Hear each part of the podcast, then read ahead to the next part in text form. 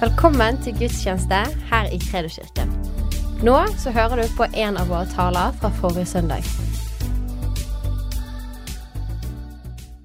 Nå skal ikke jeg preke lenge, jeg preker en par timer bare. Så er, det, så er vi over i ettermøtet. Så det går veldig bra. Hvis du har hørt Åge før, så, så vær klar. Hvis du ikke har hørt Åge før, så kan du jo gå nå hvis du vil. nei, nei, jeg har bare gode ting å bringe i dag. Gleder meg veldig. Og du vet at jeg vanligvis, når jeg er ute og preker, så synger jeg av og til. Og eh, noen ganger når jeg preker, så har jeg med en som synger. Jeg har svoger som heter Arvid Nymoen. Han bruker ofte å synge før jeg preker, for det er lettere for meg da liksom ikke være opptatt av å spille og synge, men å preke. Men se nå, i dag så har jeg fått med meg en annen kamerat som skal synge en sang for dere. Så du kan slippe løs den hvis du har muligheten.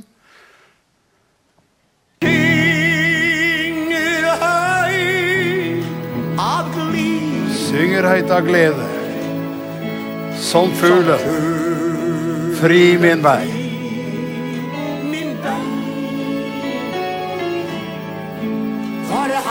Hans øye følger spurven. Og jeg vet Vet han vokter meg.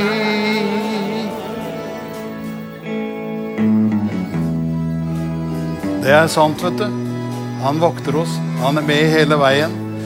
Akkurat sånn som vi har hørt vitnesbyrdene om her. Men det kommer mer. Bare synge ferdig sangen først.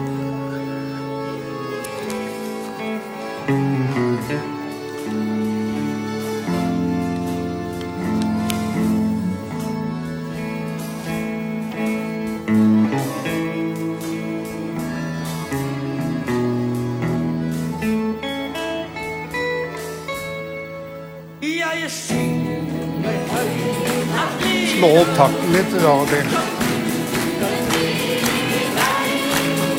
For hans øye følger sporven, og jeg vet han vokter meg.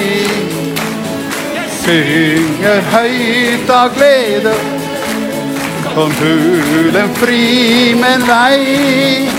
For hans øye følger spurven, og jeg vet han vokter meg.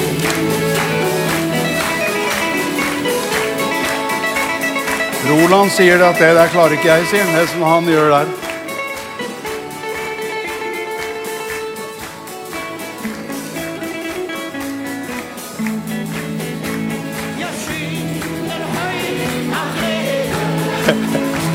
ja.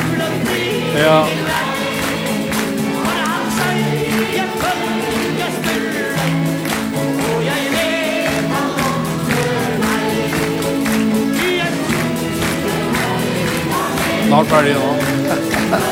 Fuglen blir min vei, og hans øye følger spurve. Og jeg vil han vokter meg. Amen. Du vet at eh, jeg har troens ord til deg. Vi er veldig glad for å være i Kredo-kirken som er en trosforsamling. Om noen er en trosforsamling i Norge, så er det nettopp Kredo-kirken som bruker da 'Jeg tror' som eh, melodi. Og eh, når Olav inviterte meg til å komme over her, så visste jeg det i løpet av noen dager hva jeg skulle dele med deg. Fordi vi er, vi er jo vitne til et under av trosmirakler, kan du si. Det at Gud har født noe ved tro. Alt er mulig for den som tror. vet du. Og Det er det som åpner seg. Så jeg har et sånt ord til forsamlingen også, sånn helt på tampen. Men akkurat nå så skal jeg begynne å si det. At det flotte er det med at Jesus, han reparerer vår tro. Ikke bare reparerer vår tro, men han er troens opphavsmann og fullender. Hvis du vil ha en overskrift over det her, så er det nettopp det. Jesus Kristus er troens opphavsmann og fullender. Han starta det, han begynte det, det skjedde på korset. Så sto han opp fra de døde, og da ble det enda en ny dimensjon. Og så gjorde han det i våre liv. Det starter med å tro på Jesus. Det fortsetter med at det fullfører. vi fullfører løpet som han ga oss å løpe. Halleluja! Så nå skal jeg straks uh, lese for deg fra Bibelen, men jeg kjenner det noe av det som er sterkt. da. Mye som er sterkt, men jeg sier det. Det flotte er da at når Jesus har fullbrakt sitt verk og har stått opp fra de døde, så er han her i 40 dager. Har du sett det? 40 dagers periode så er Jesus der etter oppstandelsen og fram til Kristi himmelfart. Der er en 40 dagers periode. Og hva gjør han da? Det står om det i Apostelens gjerninger 1.3. Bør ikke slå opp det, men Apostelens gjerninger 1.3 så står det en tekst om det at han ble hos dem i 40 dager og forkynte dem om Guds rike osv. Så sånn. og så ble han tatt opp til himmelen. Så i den 40-dagersperioden så driver Jesus med akkurat det. Reparerer deres tro. Og skjønner, Det kan være sånn at vi noen ganger har behov for å bli reparert. Og vi har hørt det i historien her også, at uh, forsamlingen her har også fått noen sånne doser av å bli reparert i sin tro og sin visjon osv. Så sånn. Og det er fantastisk å vite at Jesus er troens opphavsmann og fullender. Halleluja! Du skjønner, Det kommer til å gå i mål vet du, fordi Jesus fullfører det han har begynt. Halleluja. Og Derfor er vi vitne til det når vi ser det som skjer i denne forsamlingen. At det er noe som begynte en dag, som nå er inn i en ny fase. Og som er sånn at det ordet jeg skal dele med deg Jeg skulle si det til slutt, men jeg sier det heller nå. At eh, det er et ord i Hosea som sier 'bryter et nytt land'. står det til han kommer og lar rettferdighet regne over dere. Skjønner, det fins stadig behov for å bryte nytt land. og Det vi hørte fra misjonsmarken her òg, er nettopp snakk om det. Å bryte nytt land og gå inn i nye kapitler. Jeg skal ikke fortelle det nå, men jeg likevel har begynt å fortelle det. Det er det at eh, Jeg fikk en gave husker jeg, fra, fra menigheten her i Levende Ord, som det het den gangen. Og fikk beskjed. Vi fikk en gave, og det var at vi skulle reise på tur uten å ha møter, uten å være på konferanse. som vi brukte bare å reise eh, på tur. Og vi var lydige. Vi dro på tur, og vi starta i Los Angeles i Amerika.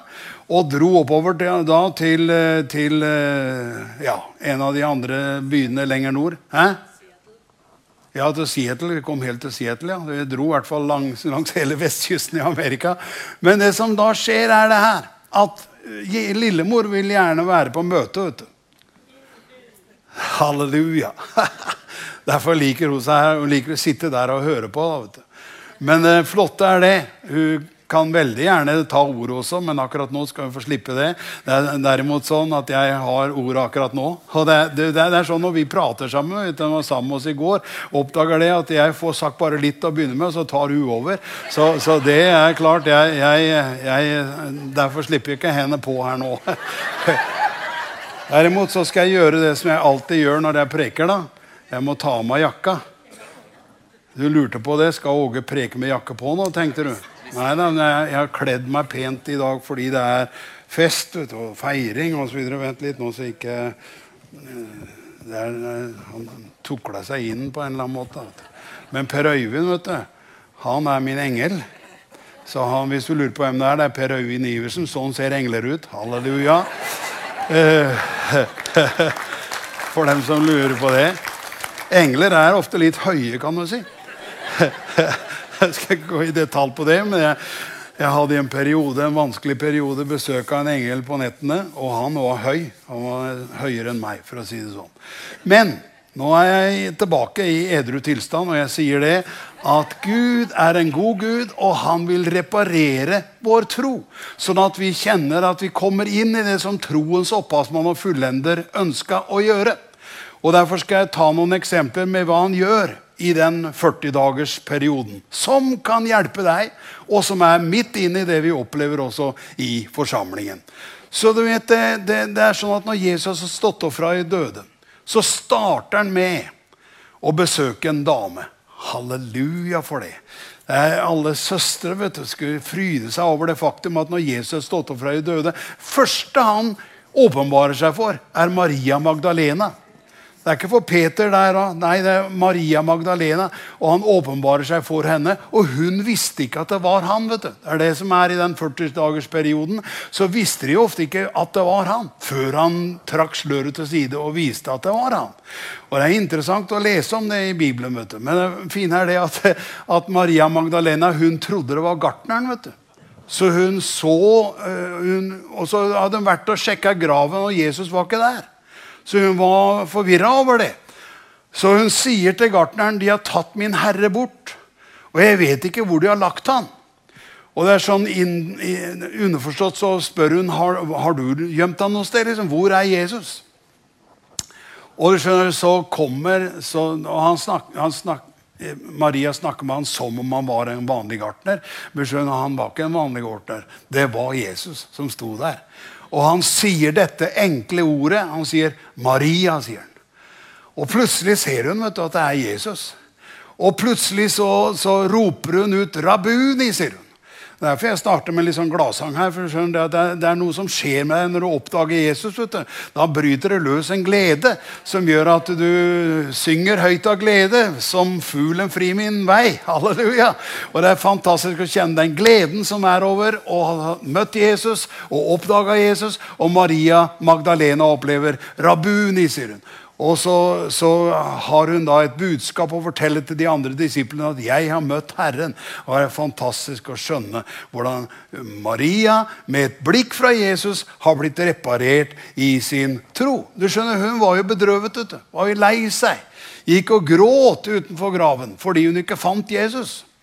Og det finnes mange som kan være i en sånn tilstand at du har et eller annet som trykker deg ned. Men det fantastiske er det, du, at når Jesus åpenbarer seg, så blir bedrøvelsen fylt med glede og begeistring. Og det blir et lys som skinner i livet hennes, som gjør at hun fra å være en gråtende kvinne, så blir hun en løpende kvinne. Hun løper da til sine venner og disiplene og sier 'Jeg har møtt Herren'. sier hun. Det er det som er hele greia.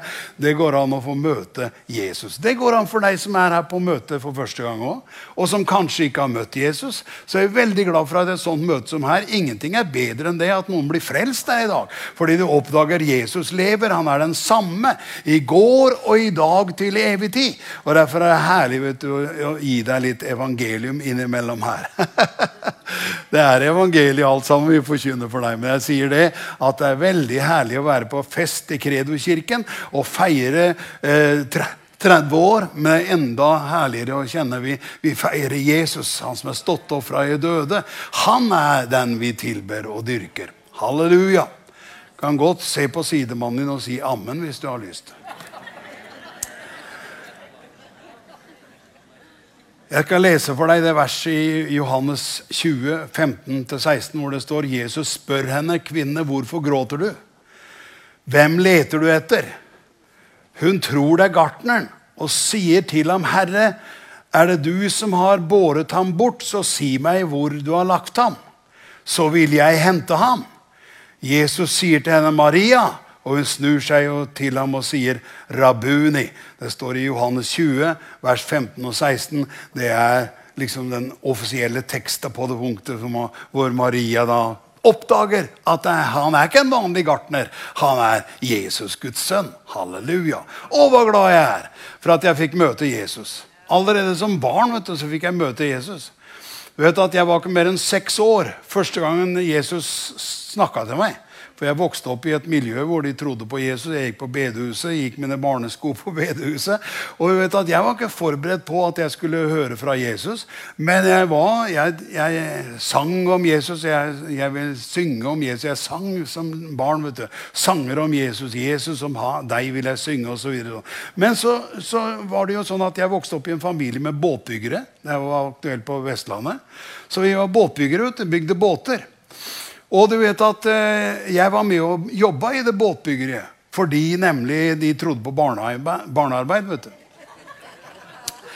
For det var en familiebedrift, selv om det var mange andre som jobba der. Da, så var det sånn at eh, jeg står og gjør jobben min med benken der, og da er jeg seks år gammel. Og så hører jeg Helligånd sier Jeg visste jo ikke at det var Helligånd, men jeg skjønte jo det. Jeg leser om det i Bibelen, at Gud taler til barn. Samuel vet du, var en liten gutt når Gud talte til han, og han sprang til presten og spurte ropte du på meg. Nei, sa han. Jeg har ikke ropt på deg. Og så gå og legg deg igjen, liksom. Men så tredje gangen så sier han det. Hvis han taler en gang til, så si 'Tal, Herre, din tjener hører'. Og du skjønner, Det fine for meg når jeg var seks år, var det at han talte til meg. Jeg skjønte med en gang at det er Jesus som snakker til meg. Og han sier til meg dette vidunderlige budskap at du skal ikke bli båtbygger, sa han. Jeg sto i et båtbyggeri. Jeg var egentlig arving til en, et båtbygger. å si det sånn. Men saken var, han sa du skal ikke bli båtbygger, du skal bli lærer. sa han. Ok, det. Så, så, så da visste jeg det, du, at jeg ikke skulle bli båtbygger, men lærer. Og det er blitt, vet du. Står her og underviser som best jeg kan. Men, men flott er det flott er det vet du, at eh, da jeg kom til lærerskolen Den første jeg møter på lærerskolen i Halden 19 eh, år etterpå, eller ja, da jeg var 19 år, det er Lillemor. Absolutt første som jeg møter i Halden. Stå opp, Lillemor, bare for å se hvor fin du er. Det, det, du kan få sitte nede men du må skjønne hvor fin du er. Dette er fru Åleskjær. Jeg visste ikke det at det var noe spesielt med Lillemor, men jeg visste at hun eh, tilfeldigvis da var venninne med en som jeg kjente fra Sarpsborg.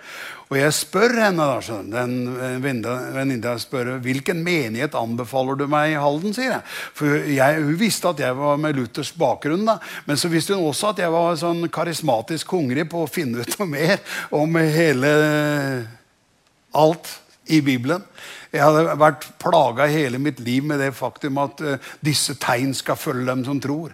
Uh, de skal uh, drive ut onde ånder, de skal legge hendene på syke så de blir friske. Og det spørsmålet stilte jeg vet du, ofte på bedehuset til søndagsskolelæreren. Stilte det på leir på Solbukta, så stilte jeg det spørsmålet. vet du, Når emissærene var inne og underviste, så, så, var det, hvis du hadde anledning til spørsmål, så spurte jeg hvorfor skjer ikke de tegnene som vi leser om i Markus 16, skal følge dem som tror. Vi ser ikke noen av de tegnene. Ikke taler vi tunger, ikke driver ut onde ånder, ikke eh, helbreder vi de syke. Men vi er vel troende, seg, for disse tegn skal følge dem som tror. Så vi er jo troende, burde følge oss. I hvert fall ett av de tegnene sier jeg, ville vært bra. Kanskje ett tegn. Og de så på meg med bekymra mine. vet du. Skakka hodet. Begge to gjorde det. Jeg hadde tydeligvis lært det på et eller annet kurs. da. Så de skakka på hodet og sa det er farlige greier, det, Åge Svange. Pass deg for det. Det hører svermerne til, det, sa de. Okidok. Det var rart at det sto i Bibelen da hvis det var for svermere og ikke for oss troende. Men jeg er veldig glad jeg fant ut det var for oss troende. Jeg er veldig glad for at når jeg kom til Halden og gikk på lærerskolen For det er der jeg er. At han sa du skal ikke bli, lærer, jeg skal ikke bli båtbygger, du skal bli lærer. Så dro jeg til lærerskolen, og der traff jeg Lillemor. Og der traff jeg folk som trodde på det som, som jeg oppdaga fins der. Disse tegn skal følge dem som tror. Så det som forvandla mitt liv, vet du, for vi har alltid et vitnesbyrd langs veien, det er at den 29. januar 1970, kvart over ni på kvelden, i 20 kuldegrader bak Frikirken i Halden, så ble jeg døpt med Den hellige ånd. Og så Det gjør at jeg står her i dag og kjenner jeg er frimodig. Da røk hele den beskjedne Ågne. Jeg er veldig ikke beskjeden sånn eh, privat, men saken er at jeg ble fylt av en kraft som ga meg frimodighet til å være det jeg skal være, nemlig forkynne evangeliet. Frimodig, bli! Dere skal få kraft i Den hellige ånd kommer over dere, og dere skal være mine vitner i Jerusalem, Judea og like til jordens ende. Og siden Norge da lever, i et land som har verdens ende på kartet der, så er det sånn at vi kjenner vi er innafor det. At vi er, vi er ikke nådd verdens ende enda. Eh, vi er veldig glad for at som du om, vi er ute i verden for å forkynne videre. Men det er veldig herlig å kjenne at det som Maria Magdalena opplevde, det er det som enhver kristen kan få oppleve. Rabuni, mester. Den tre, neste jeg vil hilse på skjønner du. Det jeg har bare tre-fire stykker som jeg skal hilse på. For Det ene er Maria Magdalena, og vi kunne prekt om henne hele dag. Men det andre er det at Thomas vet du, Jeg har jo en sønn som heter Thomas. Og vet Thomas, Den disippelen som het Thomas, han var ikke til stede da Herren kom første gangen etter oppstandelsen. Så han sa det at hvis ikke jeg kan stikke fingeren i naglegapene, hvis ikke han stikke, legge hånda i hans side, så vil jeg absolutt ikke tro, sier han. Ja, da, da kan jeg ikke tro. Og Derfor er det så fantastisk, for jeg snakker om Jesus reparerer din tro. Han reparerer din, din uh, fortvilelse og din forvirring. ikke sant? Og det flotte er at Thomas får da helga etter så kommer Jesus på besøk igjen, og så går han rett bort til Thomas. Første han hilser på, er Thomas, og han sier det. Stikk fingeren i naglegapene i mine hender. Se mine hender. Stikk fingeren i naglegapene. Send min side, og vær ikke vantro, men troende.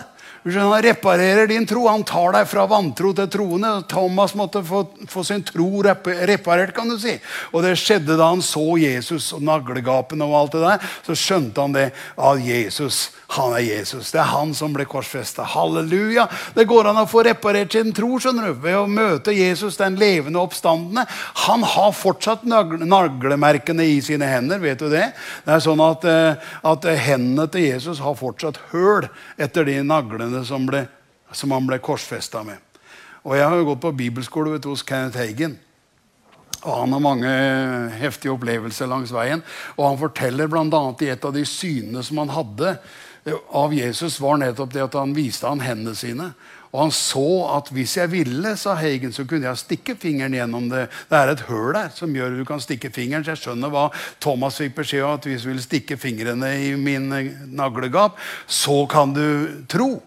Og det fantastiske er jo at Jesus har sin måte å reparere vår tro. Og nå sier jeg det til alle som er her, at du skjønner, vi trenger å gå sterkere inn i troens dimensjon. Og Kredokirken vet du, er en trosforsamling. Det, det, jeg tror, det er budskapet. Og det var det Thomas fikk oppleve. At 'jeg tror'. Halleluja. Halleluja. Han trodde da han fikk se hendene til Jesus. Hør her.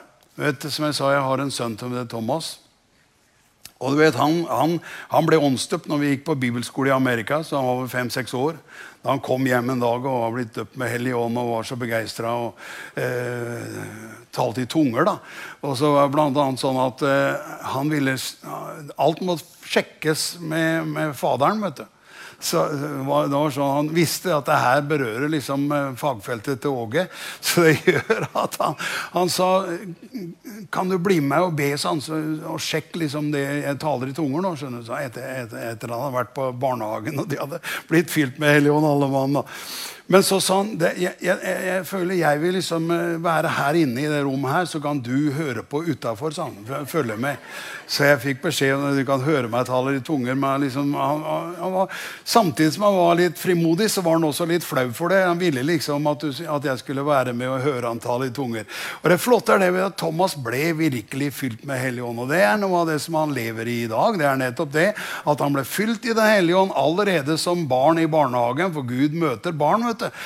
Og Det som er enda sterkere, det er jo det at, eh, at uh, han fikk jo oppdage da at han fra, Jeg visste at en av de tingene du kommer til å få spørsmål om når du heter Thomas, det er det at det er ikke Thomas han som tvilte.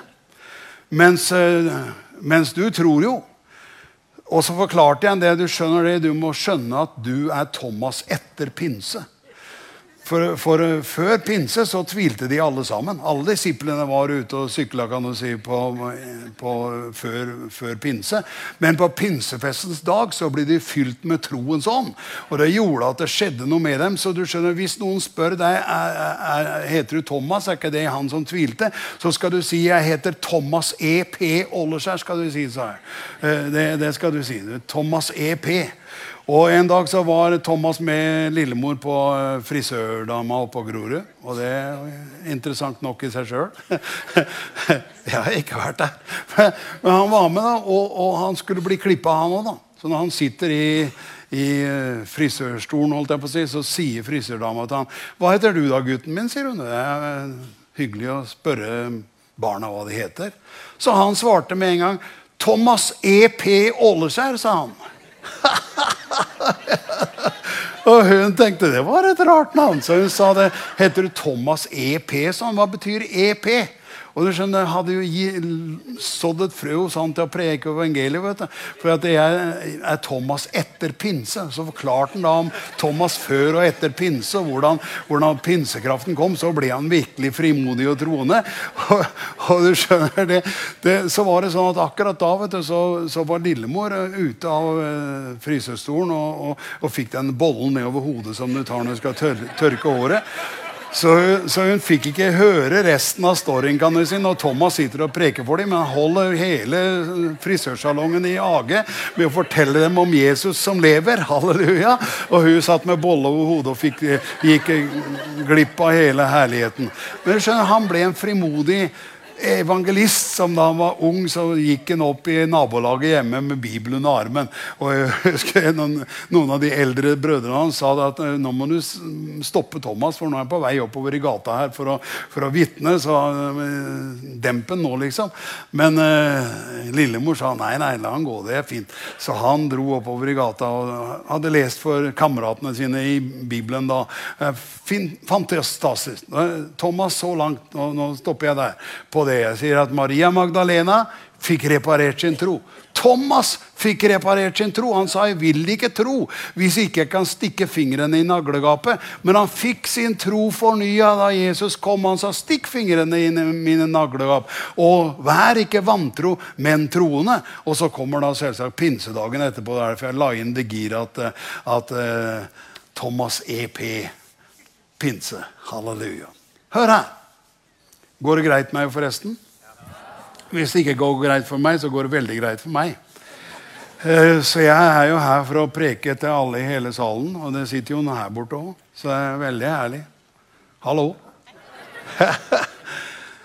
Fantastisk er det. Og jeg skal ikke bli veldig langtrukken. Nei, nei, nei. Hør her, det tredje jeg skal vise deg, det er det at uh, Peter vet du. Jeg sa at Det var ikke Peter han kom til først, han kom til Maria Magdalena først.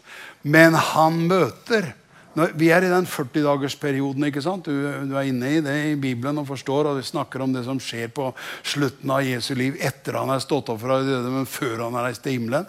Så har han en dag hvor han møter Peter og Johannes ute ved Genesaretsjøen. Og mye som skjer i den settingen der. Men det interessante er at uh, han begynner å snakke til dem da, og si til dem vet du, at um, Først så snakker han til eh, Peter, og han sier det at 'Elsker du meg, Peter?' Og Peter sier, 'Ja, jeg har deg kjær'. Her står det, om, i, står om det i Du kan finne fram i bøker. Opp nå, men jeg sier det at det står om det også. I Johannes 20, 27-28, så står det om akkurat det. At deretter sa han til Thomas, kom med fingeren din og se hendene mine. Kom med hånden din og legg den i min side, og vær ikke vantro, men troende. Og Thomas svarte ham, min Herre og min Gud. Du skjønner, Det flotte er det at de sårene er der fremdeles. Sårene fra hans oppstandelse eller fra hans kors. Den dagen vi møter Jesus i himmelen, så kommer de hendene til å være fortsatt med hull. Det er sånn at Jesu hender er merket. Det er en av de tingene som er igjen fra korset der oppe. Selv om korset var lidelsens dag, så er det sånn at han sto opp fra de døde, og han har naglemerkene i sine hender. Og du kan kjenne det. Han er det vi snakker om. Halleluja. Jesus, mener jeg er det vi snakker om. Men så driver vi nå for å forklare litt om Peter. da. Og det som er fine greier, det er det at Peter da, han, blir, han får en gang til 'Elsker du meg, Peter?' Og Peter sier ja, jeg har deg kjære. Han får forskjellige meldinger hver gang. 'Før, før mine får, før mine lam osv. Så sånn. Men så står det noe veldig interessant. Da står det For tredje gang, står det. I, eh, så sa han i, altså, I Johannes 20, 17 så sier han det. Han spurte for tredje gang. At han for tredje gang spurte har du meg kjær. Da, fikk Peter, da ble Peter bedrøva. vet du. Det står noe om å bli bedrøvet til omvendelse. Han huska da plutselig at det var tre ganger han hadde fornekta Jesus i ypperstepressens gård. Og så får, gjør Jesus noe som reparerer hans troformede her. Jesus vil gjerne gi Peter en ordentlig uh, fornyelse fra sin vantro. ikke sant? Og fra sin fall og fra sitt problem at han har fornekta Jesus. Så tre ganger får han muligheten til at 'Har du meg kjær, Peter?' Og Peter sier, 'Du vet alt', sier han da. Er det, vet Du Du må komme til et punkt hvor han vet alt. Han vet alt om meg og deg. Han vet absolutt alt. Sånn. Du vet alt, Herre. Du vet at jeg har deg kjær. Og så ser du hvordan Peter blir så reparert i sin tro. Fasten your seatbelt. Han blir så reparert i sin tro at når han preker i Apostelens gjerninger 3, og etter pinse Thomas, da er, det Peter EP. Og vet du hva han gjør? Jo, han, han, han sier da i sin preken 'Han som dere fornektet', sier han har Gud oppreist fra de døde. Og så hadde han fornekta sjøl. Kjære vene, hvordan kan en mann som hadde fornekta Jesus, være så frimodig at han peker ut og sier 'Han som dere fornektet og forkastet, han har Gud gjort til både hjørnesten og, og grunnfjell'. Jesus Kristus. Skjønner det som er Peter hadde blitt tilgitt. vet du. Hadde skjønt det at han hadde fått tilgivelse for det at han fornekta Jesus. Og han frimodig sier 'Han som dere fornektet', sier han. Eh, han har Gud gjort til både bygningsmann og eh, hjørnesten. Halleluja. Så jeg er veldig glad for det. Og vitne for deg litt om Jesus da, og si det. Det gjelder å møte han. Han var der etter oppstandelsen. Han er her i kirken i dag. Så er han her. Oppstanden er levende midt iblant oss. Ikke bare sånn at vi kan se han, men fordi han bor i oss. vet du. Han har flytta inn i oss. Vi har Jesus i oss. vet du. Så du skjønner, Jesus som var ordet, som kom fra himmelen og var Guds ord, han var ikke bare omkring her, for han forkynte ordet for dem. Men det flotte var det at da Jesus dør og står opp igjen, så er det sånn at Jesus da flytter inn i oss. Det står da troen er deg nær, står det. I din munn og i din hjerte. Dette er min hilsen til Kredokirken. At eh, troen er deg nær, i din munn og i ditt hjerte. Det er troens ord, det som vi forkynner. Skjønner Jeg er veldig glad for jeg gikk på en bibelskole i Amerika hvor det var noe av melodien. det var det, At troen er deg nær, i din munn og i ditt hjerte. Det er troens ord, det som vi forkynner. Så ordet er ikke bare oppe i himmelen. Ordet ble ikke bare kjød og tok bolig blant oss. Nei, ordet har flytta inn i oss. vet du. Vi har ordet i oss, folkens, og det gjør at vi tyter over ordet. vet du. Halleluja. Det er som Elu i Jobbs bok. Du, han sier at ånden i mitt indre driver meg full av ord. Jeg må tale for å få luft. Jeg, jeg, du så Han kjente det hadde trykka på. vet du. Halleluja for det.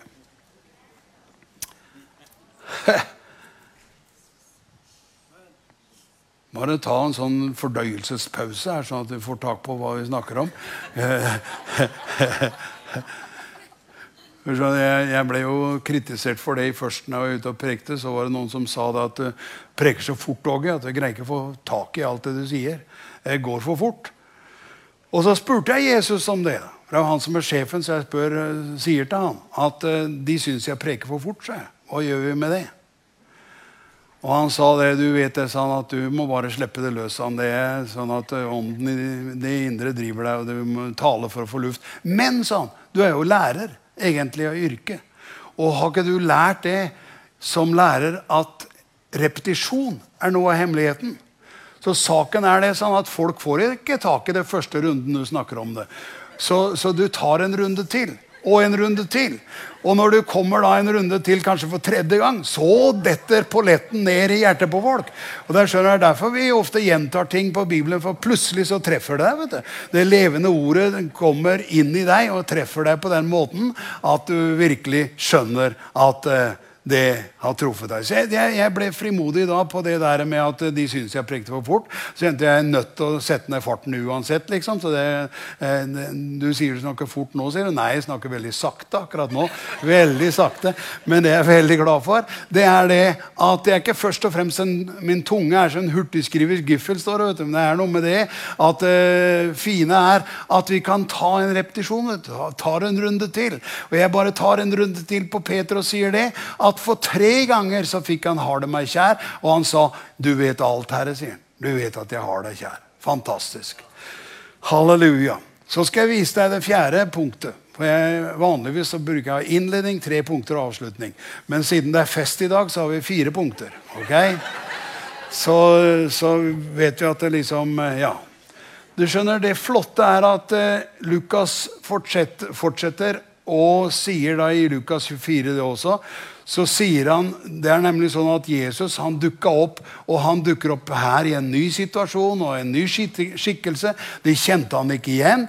Og det var når Emmaus-vandrerne gikk fra Jerusalem til Emmaus. Så dukka det plutselig opp en bibelsprengt person som, som begynte å legge ut for dem. Og du vet hva det står det? Han la ut for dem i alle skriftene fra Moses. Og til Jesus så, så, legger han ut for dem om Jesus Kristus. Og de var forundra når de hørte den undervisningen Jesus ga. Men hør her. Hør her. Du skjønner det flotte her? Jeg leser for deg i Lukas 24 eh, og vers 17, 18, 27, 30, 32. Idet han begynte fra Moses, fra alle profetene, og utla, så utla han for dem alt som var skrevet om ham i alle skriftene. Jeg er glad for å være en bibeltroende menighet, eller eh, kristen som tror på hele Bibelen. vet du. Jeg husker de sang det i salen Halden hvor jeg gikk der. så sa eh, Mange holder dem for dåre og for svermer, som barnslig tror på hele Bibelen. Men all verden og hån og spott meg jeg fornærmer, når bare jeg får være Jesu venn. Halleluja! Så vi er glad for at vi tror på Guds ord. Det levende ordet. Og jeg er veldig glad for at vi tror på alt som står i Bibelen fra A til Å. 66 bøker. 39 pluss 27. Halleluja for det. Skjønner, veldig fint. Men det var det nemlig det den bibeltimen disse Emmaus-vandrerne fikk. vet du. Det var at Jesus han viste dem i alle skriftene står det, det som var skrevet om ham. Så det er litt av en bibeltime. Veldig verdt en flue på veggen der i den bibeltimen som han holder. For Jesus holder bibeltime, men de vet ikke at det er han. De tror det er en bibelsprengt person som liksom begynte å snakke med dem. Hva er dere så bedrøvet for, da? sier han. Hva er dere er så lei dere for? Jo, pga. det med Jesus fra Nasaret. Han var en profet som, som forkynte for alle, men så nå er han død. Nå er han korsfesta. Og du vet at eh, De var så lei seg for det at Jesus hadde blitt korsfesta. Men saken var nemlig det at Jesus hadde stått opp fra de døde. Så han går sammen med dem på veien. Og så sier han, da han legger ut i alle skriftene for dem, så kommer de fram til Emmaus, og det begynner å bli kveld. vet du. Sånn Bibeltimer kan bli så lange at, at, dagen går, kan du si. Så de hadde en lang prat fra Jerusalem til Damaskus. Og, og du skjønner, det flotte er det Nei, Emmaus, mener jeg. Jerusalem til Emmaus. Og når de kommer fram dit, så, så de, ville de inn der hvor de bor. Og de sier, 'Jesus, kan ikke du bli med inn?' Og det er noe med det vet du, å invitere Jesus inn. Inn i sitt hjem, inn i sitt hjerte, inn i sin situasjon. Så når Jesus kommer inn i hjemmet deres, så plutselig åpenbarer han seg. De hadde helt til da trodd det var en bibelsprengt person fra Jerusalem. et eller annet sted. Men saken var at det var Jesus. Plutselig så drar, slør, drar han sløret til side. Så viser han at det er han. Og du skjønner, han, han, De bryter brødet. Han bry, brøt brødet, står det. Så fikk de plutselig se at det var Herren. Halleluja. Og de fikk det travelt med å løpe tilbake til Jerusalem. da. De hadde gått hele veien andre veien. men å løp de tilbake igjen og sa vi har møtt Jesus. Han lever. Han er oppstanden fra de døde. Jeg er veldig glad for å være et vitnesbyrd for deg om at Jesus lever. Han er oppstanden. Og det er herlig at på møte i Kredo-kirken denne formiddagen her, så kan du få møte Jesus. Og Det flotte er at det er forskjellige måter som du kan møte han, og du ser, ser han i skriftene. Gi, nå driver jeg og begynner å gå inn for landing. Bare hvis du lurer på Hvor lang blir den prekena her? Nei, den blir akkurat fra start til mål. Eh, ja, og Gud vet hvor lenge den blir.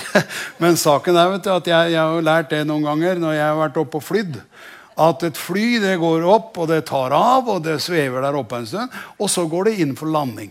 Og En preken er akkurat sånn. Du, du, tar av, og så flyr du der oppe en stund, som vi har vært nå, og så begynner du å gå inn for landing. Så nå er vi inn for landing. Og Jeg skal ikke fortelle om alle de mislykkede landingene jeg har gjort på det.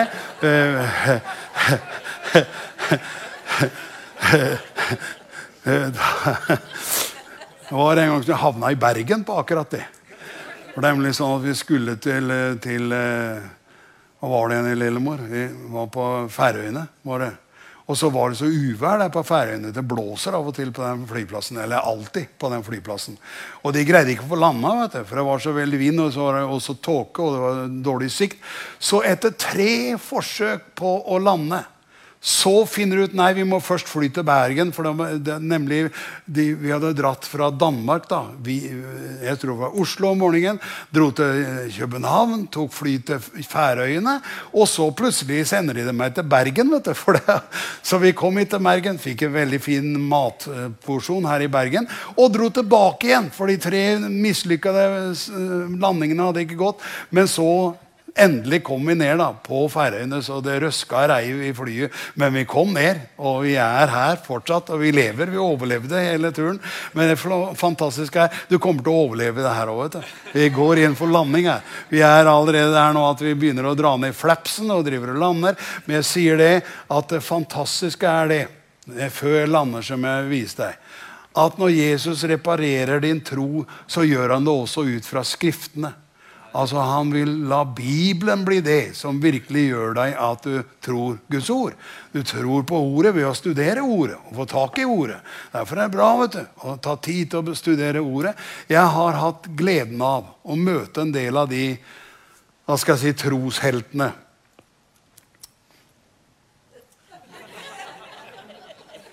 Nei. Det er så fint. Så bra. Alt er i ledelsen, vet du. Halleluja. Så det flotte er det at eh, når han da Når han da eh, Altså, jeg har møtt noen gudsmenn som virkelig har opplevd disse tingene på forskjellige måter. Jeg skal fortelle deg om en til slutt. Og så skal jeg legge sammen papirene mine her. Og jeg hadde ikke Ser ut som jeg hadde mer preken enn jeg hadde, men det hadde jeg ikke. Jeg hadde akkurat det. Du skjønner det, En av dem som jeg virkelig har fått møte som satte dype spor i mitt liv, det er T.L. Osborne. Han skrev jo den boka som Arild Edvardsen oversatte om helbred de syke. og Den husker jeg vi spredde mye i sin tid. Og så er det sånn at eh, at jeg ble jo kjent med Osborne, og han var jo over hos oss så sent som i 2006 Fire var det siste gangen han var der. Og hadde en hel uke hvor han pepra på med sin undervisning. Fantastisk. Men skjønner, vi hadde den gleden av at vi kom hjem til Osborn. Lillemor og jeg har hatt noen sånne opplevelser langs veien. sånn snadderopplevelse. En av dem er når vi kom hjem, ble invitert til, til Osborn i Tølsa. da hadde sin bakgrunn, det også, men vi kom dit og var sammen med han en hel dag. Og skjønner, Det er så sterkt å ha en dag med en sånn som Osborn. da at eh, det kan du misunne meg, men det er for seint nå, for nå er han død. så du får heller snakke med ham når du kommer opp der oppe. Men han fortalte, vet du. Han fortalte hvordan troens ord hadde tatt tak i hans liv. For de reiste jo hjem fra India som mislykkede de misjonære, han og Daisy. Og opplevde at det, det, ble ikke noen suksess, og de var, de var allerede hva skal jeg si, var pastor i en liten menighet utenfor Oklahoma og så videre, sånn, i, i Tulsa. Men så, så oppdager han hører om en som ber for syke. vet du. Han hører om en som virkelig da har, Det skjer under og tegn. Så han sier det, det første er 'Jeg så Jesus i en mann'. sier han. Jeg så Jesus i en mann. Så jeg så hvordan han ba for syke, og jeg så at Jesus helbreda syke. Og jeg var som Helligånd ropte til meg han, fra, fra uh, lufta og sa det her kan du gjøre. Du kan gjøre akkurat det samme. For du har samme Jesus, du har samme tro. Du kan gjøre det som han demonstrerer. For folk ble helbreda i, i de møtene. Men så, litt etterpå, så har da han, han sier 'jeg så Jesus i en mann' så sier han da i neste runde jeg så Jesus i et syn. For Jesus kom og besøkte han hjemme der han bodde i Tølsa. Og var hos han noen timer hvor han kjente det. At det satte jo enda mer eller slo fast det han hadde sett når han så Jesus i en mann. Så sier han så fikk jeg se Jesus, og Jesus prøvde å gi han informasjon om den kallet han hadde, og den tjenesten han skulle gjøre i verden osv. Så sånn. Osborn er blant dem som har prekt flest mennesker face to face. Men så skjer det tredje. Og det er interessant. skjønner Du Ha med det, du lurer på om han mista tråden. Nei, jeg driver og snakker om at han taler til oss gjennom Skriftene. Og En dag så kommer det en sykkeldrosje opp foran der hvor Osborn bor. For han med, som sitter på en sykkeldrosje Husk på, jeg var på 50-tallet, så kjørte de ofte ikke biler. Kjørte ikke Tesla heller. De kjørte sykkeldrosje. Eh, så han ble frakta opp dit i, i eh, syk sykkeldrosje. Og eh, sa da til, til denne som sykla sykkeldrosje, da, at kjør videre innover her, sånn. Denne veien er det. Han bor her inne et sted. For han visste ikke hvor Osborn bodde, bodde men var ledet av Gud til å treffe Osborn. For han hadde med en bok som han ville vise han. Eller gi han. Og så, så, men så kommer de snart til bunnen av gata og sier det er ikke noen flere som bor i nå. Ja, jo, det er flere, sa Osborn. Det er denne gata her. Så sykler de til, og så kjører de videre. Og der plutselig ser han Osborn ute og raker løv. Det er fantastisk hva predikanter kan drive med. Så han står, han ute og raker løv. vet du. Han er en sånn. Han skal jeg snakke med. Og han løper over og gir han en bok. da. Og du skjønner, Den boken var en utlegning av Skriftene når det gjelder Jesus. Uten å forklare mer om hvilken bok det var. Men det flotte er, for jeg har stått og tolka Åsborg noen ganger, da har han den boka blant annet foran seg av og til når han preker. Du tenker han har prekenutkast, men han har en hel del andre ting vet du, oppå plattformen der. Og han har blant annet den boka blant alle de tingene han har der. Men det flotte er nemlig at han sier den gjorde at jeg fikk se Jesus i Skriftene. sier han. Så det er poenget her. Han så Jesus i en mann, han så Jesus i et syn, men han så Jesus i Skriftene.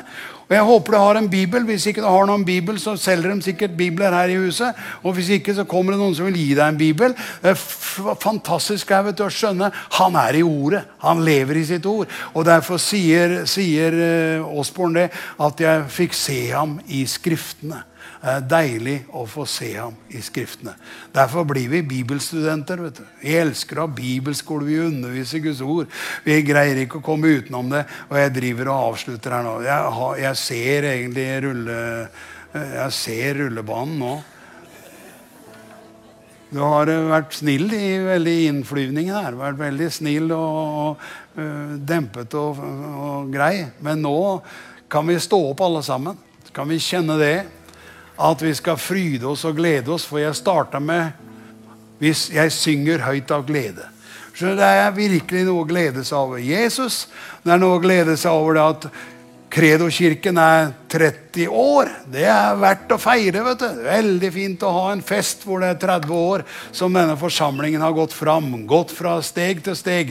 Kjent det at det har inntatt nytt land. Kjent det at bryter et nytt land.